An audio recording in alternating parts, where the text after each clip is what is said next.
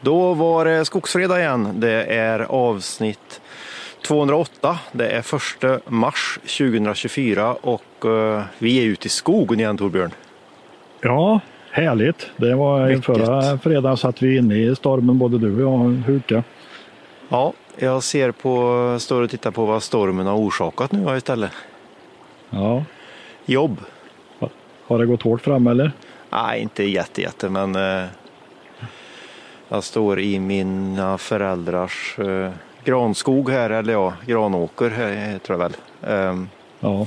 Ah, toppbrott lite granna, några vindfällen, 10 till 20 vindfällen och säkert lika många toppbrott som, eh, som jag får ta ner för att uh, det är inte tillräckligt med grönkvist kvar på dem. Nej, okej, okay. de har gått av för långt ner helt enkelt. Ja, 40, ja, nej, men det är 40 ju, granar. Ja. En förmiddag inte det ändå det värst drabbade området. Nej, precis. Det värst drabbade området. Men det var, ju, det var ju en rejäl storm. Det blåste ju mycket före fredagen. Eh, men det blåste från söder ganska mycket och då klarade det sig lite bättre tydligen. Så det, ja. det verkar inte som att det var de här massiva stormfällningsskadorna utan det är typiskt som du har där. Att det är några träd här, några träd där, hyggeskrant. Ja, lite Nygallrade så. bestånd har, gått, har det gått hårt åt på vissa, framförallt västerut, då, typ Bohuslän Västra Götaland. Så. Ja. Västvärmland. Så att, eh, ja, det finns risker med skogsbruk och väder. Ja, ja visst. Nej, men jag valde väl det sämsta också då, att gå och ställa mig i en granåker. Eh, ja. På gammal åkermark. Det, det är ju högriskprojekt, speciellt som det här 55-årig kanske.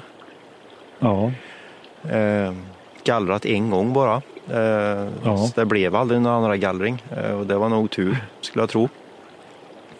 Ja, vi tittar ju på det där, det tappar ju farten efter torksommaren 2018 på toppskotten såg man rätt tydligt. Och vi borrade i några träd där också och såg att det ja. var lite si och så med. Det var Utan de har kommit igång igen. Men eh, granen behöver ju rörligt markvatten helst om det ska växa det bra. Men finns det inte det så är det lite mer vågspel. Ja, det, så är det definitivt. Men ja. eh, hur som helst så är det i alla fall väldigt skönt att vara ute i skogen igen. Ja, För mig var det, det, det, det några veckor sedan faktiskt. Ja, du har suttit inne och hukat länge. Ja, det har varit skitväder varenda fredag ju. Ja. ja. Nej, men nu blir det bättre. Nu är det, det är ju vår snart. Det är första mars idag. Vasalopp i, på, i, på söndag. Ja, precis. Ska du åka? För den som kände sig hugad. Nej, vi åker inte i år va? Nej, jag åker nog inte i år heller. kan man säga då, som aldrig åkt. men, eh, nej, men för de som tycker det är kul att åka skidor och som har lite kondition så är det väl en, eh, en högtidsdag att få vara med där. Kan jag tro. Men det verkar ja. som att det skulle bli ganska sunkigt väder. Regnigt pratade de om igår på ja. Det, det, är ju det är inte det roligaste. Det är inte det roligaste för det blir ju extremt tungt troligtvis. Och vattenskidor. Ja. Nej, det är väl ingen höjdare, men uh, ja, ja, så är det. Men uh, nog om ja. skidor. Vi har uh, ett fullspäckat avsnitt även i uh, den här fredagen, va? Du tror att vi får ihop 30 minuter idag också? Ja, vi skulle börja. Frågan är om vi inte ska börja prata lite inmätning. Jo. Inmätningsfrågor. Vi, vi ju, ja, det, det, är flera vinklar på det jag tänkte. Men en är ju att vi, vi planerar ju för vårt vedprojekt nästa vecka. Ja, har vi berättat om det? Ja. Nej, det har vi inte gjort. Vi kanske inte ska gå in för mycket detaljer. Men vi ska, vi ska, vi ska, kapa, vi ska mäta virke och kapa ved och se liksom hur mycket det blir utav hur mycket fubb det går åt för att fylla en säck eller en vagn eller vad det nu kan vara. Men eh, vi, grunden det hela är att vi, vi vill ha virke eller vi, vi, vi behöver björkmassaved och vi hade velat haft det inmätt av biometria för att få liksom ett startvärde. Ja, det, det var en stor önskan kan man säga. Ja, eh, så, men det gick, ja, det gick inte så bra. Det gick inte så bra. Nej, men det, för, för det kändes viktigt. Hade det, det hade varit en väldigt bra liksom, kvitto haft med sig. Att här, ja. här fick vi si och så många fubbar via biometria. Ja. Ja, eh, certifierat av biometria och då kan vi eh, i vår tur stå på vedbacken och göra ved och så kan vi göra våra uträkningar och presentera det på Skogsforum sen. Det är ju superintressant. Men eh, jag ringde Biometria och frågade Ja. Eh, för eh, troligtvis har vi fixat ved med timmerbilar och grejer. Det är inga problem att fixa. Nej. så då var det ju, och jag frågade ju rakt ut om, om jag kunde ta komma med en timmerbil till någon av industrierna i närheten här och få det inmätt men sen att vi inte lossar det utan att jag, alltså Skogsforum då, betalar för inmätningen istället och så vänder vi Ja. och åker Ja. hem med veden. Och nu har i och för sig inte den killen jag pratade med kommit tillbaka till mig. Ehm, så vi, vet ju inte hundraprocentigt men han sa ju att troligtvis så går det ju inte. Ehm, för vi äger ju inte inmätningsutrustningen längre. Biometria äger inte mätutrustningen. Nej, det är skogsbolagen Nej. som har köpt in mätutrustningen. Okej. Så Biometria får inte slentrianmäta någonting tydligen då, utan eftersom Nej. det är skogsbolagen som äger eh, kamerorna, mätbryggorna eller vad det nu kan vara. Eh, så, så är det inte fritt fram att bara komma och mäta oförhappandes, utan det ska vara virke då, som troligtvis ska gå in i industrin. Ja, okej. Det visste inte jag om. Nej, det är Eller lite ja. mig också. Jag, tro, Li, lite jag trodde att det var Biometria som... som eh, alltså att skogs... eh, Att industrin får betala mätningen utav den råvara man tar in i industrin. Det låter väl ganska rimligt. Men att de också äger själva utrustningen är ju... Ja. Det är nytt för mig i alla fall. Ja, eh, ganska intressant. Ja, men vi Eh, kommer ju mäta det där ändå för det finns ju bra sätt att mäta virke på på ett säkert sätt. Så det kommer vi att göra så vi vet vad vi har för ingångsdata. Ja, det, det kommer att bli väldigt intressant för eh, nu får ju vi ta över biometrimätningen så nu blir det ju nitisk klavmätning från eh, Ja, Reuter och Jonsson va? ja det blir det. Ja, Efter eh, konstens alla regler. Hårddokumenterat. ja nej, men det, Men eh, det, det, vi kan, eh, det kommer vi prata mer om nästa vecka för då, eh, då är vi igång med det. Eller gör vi det. Så det, kommer vara, det kommer vara ett väl- väldigt intressant projekt. Vi skulle ha gjort det i fjol var meningen och tanken egentligen. Men det blir inte något med det för det var, tiden gick ifrån oss. Det. mm, Och nu gör vi det. ja absolut. Men sen i, i samma kontext så var det en intressant tråd som kom upp på Skogsforum den här veckan också om inmätning. Ja. Ja. Som också var relativt, eh, eh, vad ska man säga, nyheter. Som eh, ja. troligtvis inte alla vet om. Ja, det var ju Det får du förklara, södra medlem som, ja, men det var någon södra medlem som eh, eh, var inne och letade efter sina mätbesked. För det finns väl en medlemsportal där man får, får eh, information och får sina underlag serverade eller dokumenterade. Dokumenten läggs upp där antar jag. Då. Jag, jag är inte södra medlem så jag vet inte hur det funkar exakt. Men jag förstår att det, det är något typ mina sidor som man har som man loggar in på. Så där finns informationer från senaste avverkning och annat som man vill komma åt eller behöver komma åt. Och där letar de efter mätbesked. Alltså de har inte fått mätbesked på sina avverkningar. Nej. Eh, och då var det någon som sa att det fanns, eh, fanns en text där att, att avtal med inmätning efter 1 januari 2024 kommer inte längre eh, att redovisas i den här plattformen då.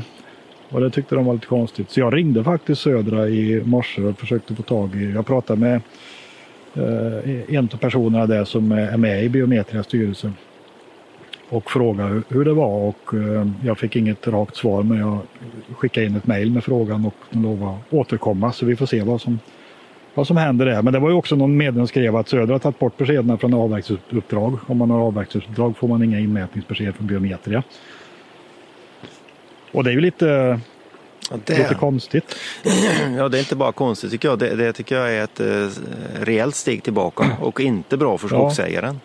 För, för det, Ja, jag, jag kan, lä- eh, jag Ja. kan läsa vad det står på Biometrias sajt. Det står lite information. där. Det står att med mätbesked får du tydlig och detaljerad information om levererad råvara. När leverans exempelvis, tim, av leveran, exempelvis timmer, massaved, flis eller bränsleråvara blivit inmätt skickas mätbesked till säljare och köpare. Det betyder att båda parter alltid har full kontroll över kvantitet och värden. När mätbeskedet ska levereras och vilken information den ska, det ska innehålla bestäms av den köpande parten i respektive affärsled. Så det är ju köpare som bestämmer om man ska skicka ut mätbesked till säljaren eller inte. Då. ja, ja. Och då är frågan det finns något liksom ändrat beslut här att man inte ska redovisa mätbesked eh, för leveransvirket heller. Då. Och det, det, är ju, det här är ju inget bra tycker jag, om det är så. Nu ska Nej. vi vänta tills vi får svar från Södra just när det gäller i det här fallet, men enligt eh, en av medlemmarna så redovisar de inte affär, eller avverkningsuppdragen längre med mätbesked. Nej. Utan det är någon annan form av redovisning då. Ja. Eh, Det som man kan koppla in i det här, men som vi, eh, som vi väljer, eh, vad ska man säga, Eh, det får tas med en nypa salt det vi säger, eh, för vi har inte belägg för det. Men eh, det är faktiskt genom podden så är det flera, eh, inte, inte många, men eh, flera oberoende som har hört av sig just i de här frågorna. Jag skulle säga välinitierade kan man nog säga också. Ja, eh, absolut. Och eh, det senaste det, som, som jag fått till oss där det är ju att eh, det är viktigt för skogsägaren att få ut skördarnotan efter en avverkning. Så att man kan jämföra med det som är inmätt. För eh, någon som har kollat detta då har sett att eh, det skiljer relativt mycket alltså. Ja. Att det kan vara upp till 10 procent mer avverkat än vad som det är inmätt. Ja. Och, och idag ska ju skördarna vara så pass bra. Alltså det är ju krav på att de ska vara kalibrerade mätmässigt så att det ska ju inte vara sådana skillnader egentligen. Och Nej. framförallt ska de ju inte vara ensidiga åt ett håll utan när skillnaden är så ska det ju spreta upp och ner så att man får en normal. Ja, definitivt. Eh, annars är det systematiska mätfel. Då. Ja. Men eh, det här är ju en fråga som vi eh, definitivt inte eh, släpper utan det här är ju viktiga saker. Eh, Så vi ska försöka gräva vidare i det här och se vart vi hamnar. Ja, absolut. Och det finns ju olika sätt att göra det här på men det, det, är, det är lite svårt är det att komma åt för det är ganska Alltså det är inte transparent och det här tycker jag det finns faktiskt anledning att skicka med en uppmaning till skogsägare som är på väg att göra virkesaffärer att var väldigt noga i först och främst i avtalsskrivningen. Där kan man ju definiera vilka, vilka mätbesked man vill ha. Mm. Eh, Man kan skriva in i avtalet att man ska ha skördarnotan från avverkningen. Ja, Eh, Är det en, en eh, virkesköpare som vägrar att ge del med sig av den, då ska man kanske välja en annan virkesköpare. Det är ju sådana saker. Hur ska virket redovisas och så vidare. Då. ja, Och en annan sak som jag tycker är allt mer uppenbar, och vi har flera exempel på trådar på Skogsforum nu, där, där skogsägare skriver, det är någon som har gjort en gallring och när han räknar ut eh, ja, gallring i ekback, 60 kubik per hektar, 5,5 hektar, avverkningskostnad 700 kronor fubben. mm. Man summerar allt ihop allting, va? helt orimliga eh, kostnader. Mm. Och det, det kanske går att förklara igen av en virkesköpare att ja, men det var ju inte underröjt, det var si, var så. Men i, ska man göra större avverkningar, jag tror att det är en otroligt bra idé att ta hjälp av någon oberoende konsult i virkesaffären. ja. Det kostar pengar att göra det, men det kan vara otroligt välinvesterade pengar. Eh, som du får tillbaka många gånger om. ja, ja, ja, ja. definitivt. För att många skogsägare har ett sånt eh, kunskapsunderläge gentemot Mm. köparen. Som tyvärr eh, ja, utnyttjas kanske ett starkt ord men, men det blir ju det när man när det haltar i, i relationen. Ja, Ja, men sen, sen har du en sak till. Du, du, du minimerar ju det, det egna magontet på något vis. Jag vet, det, Ja. det där är ju också en klassiker. Eh, Det är ju liksom eh, speciellt kanske nu i dessa tider då, om vi säger att vi, det är någon som tittar, att Torbjörn är i detta fallet, och tittar på en avverkning och är ute med, med en virkesköpare som du halvkänner liksom. Eh, Och så säger ju virkesköparen, men Torbjörn du får ju ett kanonpris av mig här nu. Du är ju ensam om det här, det här får du hålla tyst om nästan, vet du, för det här är så bra så klockorna stannar. Eh, Då är det ju väldigt jobbigt för dig att börja dra upp, liksom, ja, jag måste ju ha från biometria också då. Ja, För då har du hamnat i ett underläge direkt. ja, det- Så ur den aspekten så är det också väldigt, det är ju kanon egentligen att, att betala en konsult troligtvis som är helt Ja. fristående. Som säger liksom, ja, vad har du? Kanonpriser. ja, Ja. tjena, jag pratade med en kollega till dig igår. ja, Då, då är det inte några Precis. kanonpriser kan jag säga dig. nej. Eh, så Nej, det blir ett helt annat exempel. läge.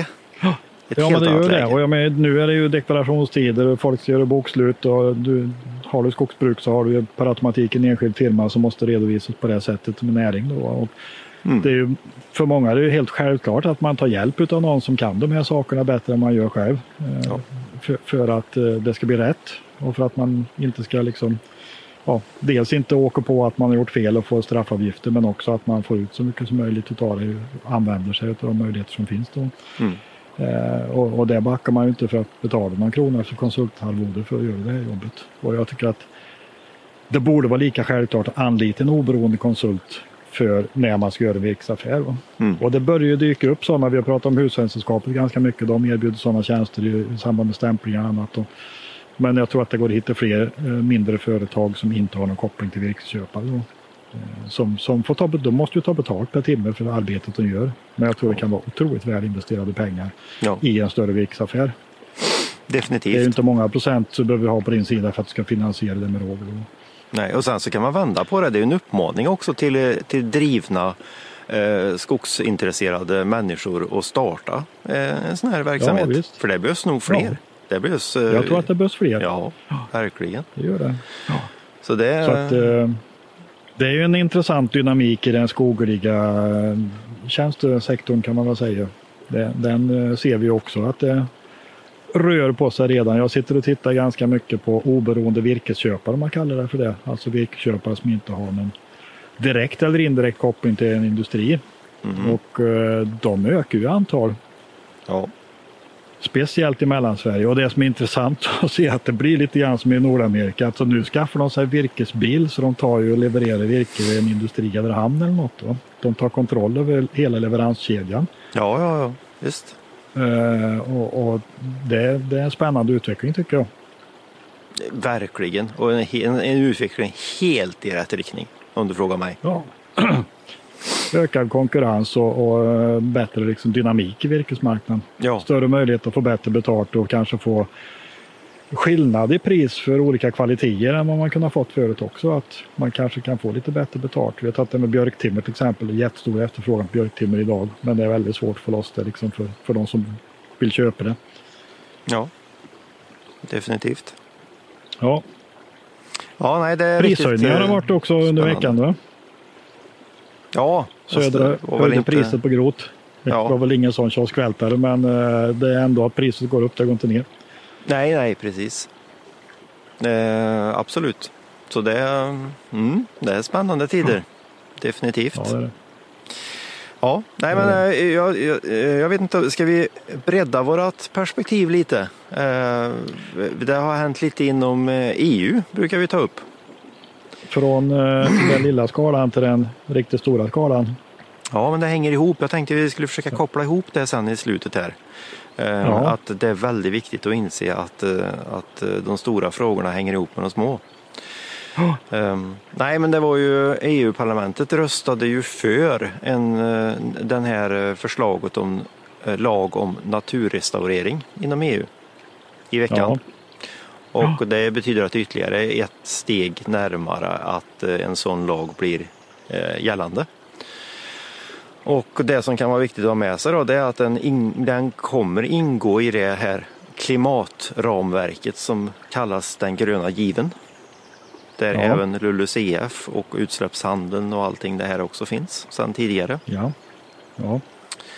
Ehm, och eh, vi har, jag har börjat titta lite på det men det är ganska komplext eh, just det här med naturrestaureringen och eh, det kopplar an till mycket och det, ja, nej, det, blir, det är liksom ett, ett gytter kan man säga. Men eh, jag tänkte ändå det lilla jag vet kan jag förmedla här i podden som kan vara intressant att Ja. se. Det, det är väldigt intressant. Det har, ju, har ju kommenterats en hel del under veckan från olika håll. Eh, Ja, absolut. Och det, jag tror det viktigaste som man ska knyta sig an till det här det är att naturrestaureringslagen knyter an relativt hårt till art och habitatdirektivet. Som är, det är ju ett gammalt, eh, en gammal lag, EU-lag som är införlivad sedan länge i, i Sverige och i alla. EU-medlemsländer. Och eh, det som naturrestaureringslagen ska börja med, alltså första ansatsen om den nu går igenom, det är ju att förstärka eh, redan, eh, vad heter det? Redan eh, beslutade Natura 2000-områden. Ja, Där har vi första steget fram till 2030, att eh, de ska bli bättre, Natura 2000-områdena. Och, bättre på vilket sätt? Bättre skydd eller bättre skötta? Eller... Ja, de ska ju restaureras bättre ur, ur de här perspektiven att de ska vara naturliga. Eh, kan man säga. Ja. Det är väl det ja. sammanfattande. Och ska man titta på för Sveriges del så, så handlar det väl till allra största del om vi pratar skog så är det, så är det alltså, de kategoriserar ju in i olika marktyper. Det är ju liksom ja. Eh, eh, ja nu kommer jag inte på något bra, bra exempel förutom skogen men eh, så vi får ta den. Men den största delen där är ju det som kallas för västlig taiga. Ja. Eh, och det är i den här kontexten så är det alltså urskog eller naturskog kan man säga. Eh, barrdominerad. Mm. Eh, gärna utsatt för brand genom åren. Ja. Och så, ja. ja. ni förstår läget. Ja. Eh, så. Och det är väl där som eh, ur den skogliga vinkeln kommer att, att läggas ansats. Och speciellt de västliga taigorna som finns i Natura 2000-områden nu då. Ja eh, nummer ett. Men sen så är det ju så att eh, på sikt då så är det ju jag tror, jag kan ha fel, men jag tittade lite på det här innan vi gick ut idag. Men eh, i, i mångt och mycket så tror jag det handlar om att Naturvårdsverket och Skogsstyrelsen har identifierat var det 1,8 miljoner hektar. Tror ja, jag vet inte, det har jag bättre koll på. Jo, jag tror, jag tror det är det. Alltså, på totalen alltså som kan ingå i det här som är skogligt. Eh, som på sikt då, fram till 2050, det, då ska 90 procent av, av eh, lek med tanken i alla fall 1,8 miljoner hektar naturskog, urskog slash brandskog vara eh, restaurerad och klar. Ja. Så där i ligger det. Så som okay, jag och restaurerad i den här meningen, det betyder att den är skyddad för vidare avverkningar eller annat då? Antagligen. No. No. Det är svårt att skapa en 200-årig skog av en yngre skog. Ja, Jag, jag nej, jag skulle vilja säga att eh, rent konkret så hade eh, kalavverkning, nej tack. Eh, mm. Med plockhuggning och vidare, ja skriver de att det kan förekomma. Ja. Och det är ju så att okay. eh, alla Natura 2000-områden i Sverige är ju inte, har ju inte formellt skydd. Nej. Eh, så är det. Så, och de har ju olika orsaker för sitt skydd också. Allt är ju inte art relaterat till exempel. Det finns andra skäl till skydd av Natura 2000-områden också om jag fattar rätt. Då. Ja, visst. Så, så kontentan är att det är ingen enkel fråga utan det är komplext och det går nog ner på, på beståndsnivå vad, vad det är som ska göras. Um, så, men, men det ehm, kommer att ske någon nationell implementering av det här nu då? Är det det som är nästa steg eller? Nej, nästa steg är att det ska godkännas ytterligare en gång i, på hög nivå inom EU tror jag. Och sen så ska det rådet. väl... Eh, ja, jag vet inte om det var rådet men eh, ja, jag ska låta det vara osagt. Mm.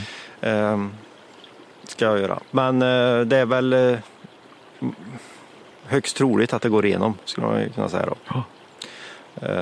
Så då, då blir det ytterligare en, en grej att ha i beaktning. Så den frågan eh, kommer vi att försöka hänga med på och förmedla om på ett enkelt sätt förhoppningsvis vad det är som kommer gälla. Ja. Um, ja, det kan ju, i och med att den inte är helt hundraprocentigt färdigklubbad så kan det kanske bli eh, småjusteringar också framledes, det vet man inte. Ja, det händer ju ibland. Jag tror, ja, jag tror nog att eh, det är nog väldigt hög sannolikhet på att den kommer gå igenom. Gör den inte det så kommer den nog förkastas, men det är min personliga tolkning. Ja, okay. För den är förhandlad ja, ja, nu. Sen i tisdags det. så är den förhandlad i EU-parlamentet. Så den är förhandlad ja. och uh, omgjord uh, i olika delar. Så det är inte ursprungsförslaget utan det är omgjort Nej. lagförslag som uh, nu har antagits. Då. Så ja, vi får väl se vad, vad som händer där.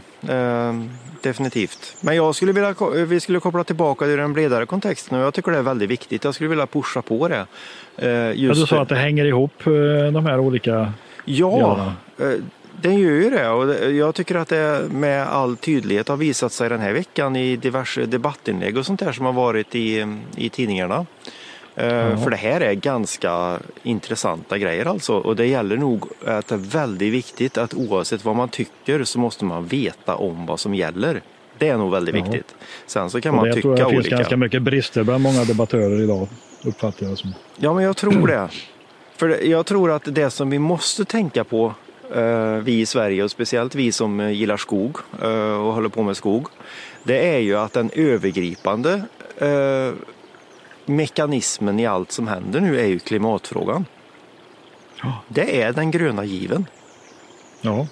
Eh, Det är där det sitter. Och det vi måste veta om det är ju att gröna given är ett ramverk med många olika lagar.